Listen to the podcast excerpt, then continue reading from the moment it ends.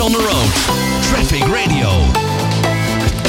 Eind 2015 werd duidelijk dat Volkswagen wereldwijd ruim 11 miljoen auto's had verkocht met een zogenaamde Schummel-software. Auto's met zulke software voldoen op papier aan de uitstootnormen, maar eenmaal op de weg gaat de software uit en stoten de auto's dus in werkelijkheid veel meer schadelijke stoffen uit dan dat eigenlijk mag. Autofabrikant Volkswagen moet daarvoor nu ook een, moet nu ook een schadevergoeding van 1500 euro gaan betalen aan een eigenaar die eerder een tweedehands Schumel-diesel had gekocht. Dat heeft de rechter in Utrecht namelijk bepaald. En hierover ga ik verder praten met Joyce Donat van de Consumentenbond. Joyce, welkom in de uitzending. Hallo. Ja, allereerst laten we eens eventjes teruggaan naar 2015. Toen werd dit dus allemaal bekend bij Volkswagen. Ja. Wat is daar toen allemaal gebeurd? Want er zijn rechtszaken aangespannen. Jullie hebben dat deels ook gedaan. Wat is er Ja. allemaal gebeurd in die, eh, in die jaren? Er is ontzettend veel gebeurd. Eh, er zijn ongelooflijk veel procedures gestart tegen Volkswagen. Eh, te beginnen in Amerika, daar kwam het aan het licht. Eh, Volkswagen heeft in Amerika ook aan miljarden schadevergoeding moeten uitkeren.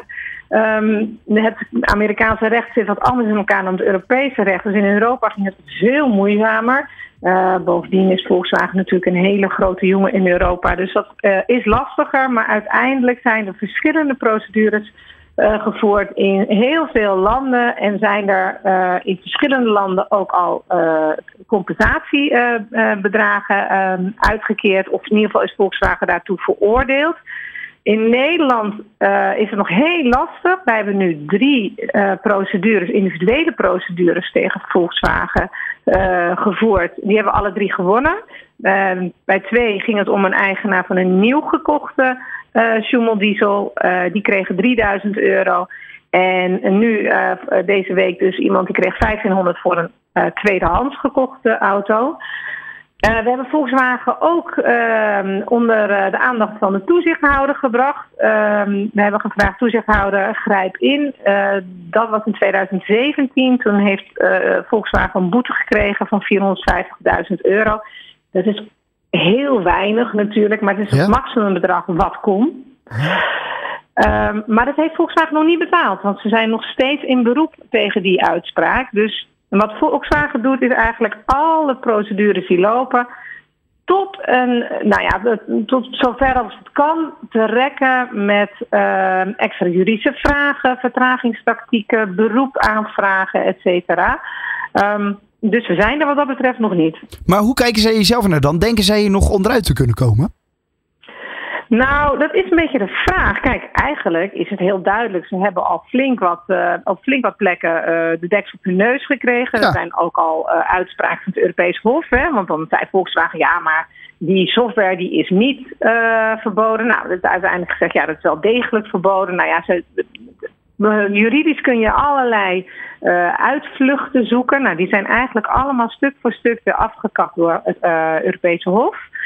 Ehm, maar het lijkt ook wel een beetje op dat Volkswagen het boel traineert, omdat hoe langer het duurt, hoe minder van die auto's nog in, eh, in omloop zijn.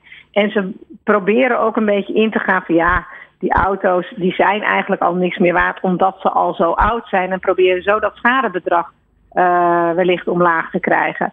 En daarom is deze uitspraak ook heel fijn, want die gaat, niet om, eh, die gaat het niet over hebben van ja, wat voor schade heeft de persoon nou letterlijk eh, gelopen. Maar de, de, de rechter zegt gewoon van nou, gezien ehm, ehm, de misleiding, dus de oneerlijke handelspraktijk heet dat dan, gezien de misleiding, Ja. gezien de overtreding van de regels.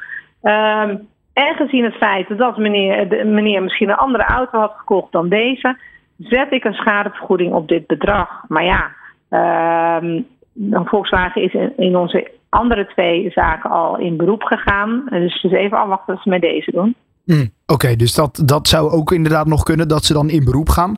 Ehm, hoe weet ik nou of ik een Schumel diesel eh, voor de deur heb? Want het is dus ook wel opvallend dat een tweedehands, eh, iemand die hem tweedehands koopt, dat ook hij zelfs een schadevergoeding krijgt. In ieder geval in eerste instantie dan. Eh, laten we even dat hoge Zeker. beroep afwachten.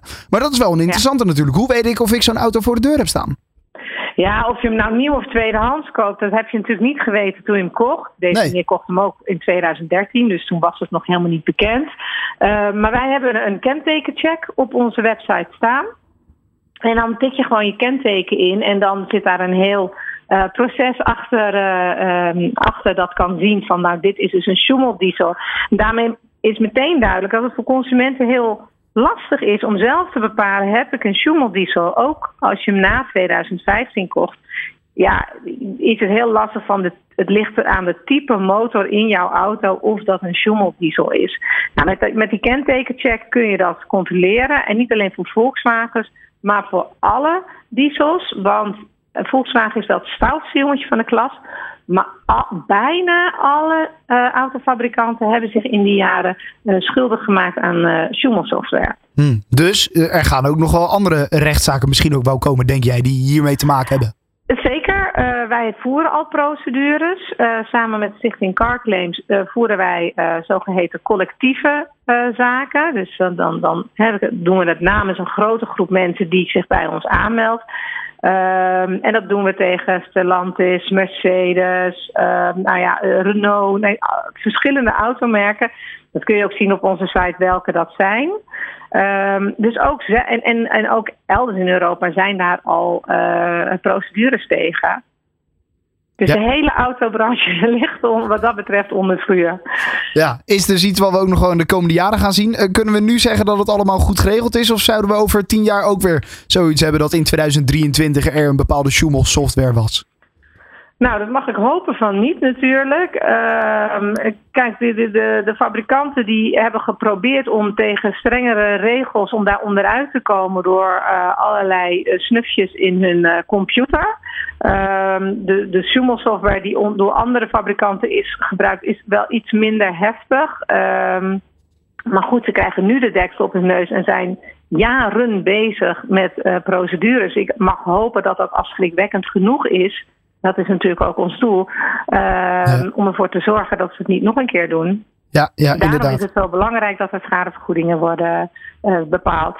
Zeker. Nou ja, goed. Je kan dus op de website van de Consumentenbond even checken of jij ook zo'n Schumel diesel, ik vind het een mooi woord overigens, voor de deur hebt staan. Ja, uh, ja zeker. Ik vind het een mooi woord. Uh, voor nu, uh, Joyce Donat van de Consumentenbond. bedankt voor je tijd en dat je eventjes ons bij kon praten over dit onderwerp. Dankjewel. Joyce Donat van de Consumentenbond. Waar je ook heen rijdt, wij gaan met je mee van A naar B. Traffic Radio. Always on the road.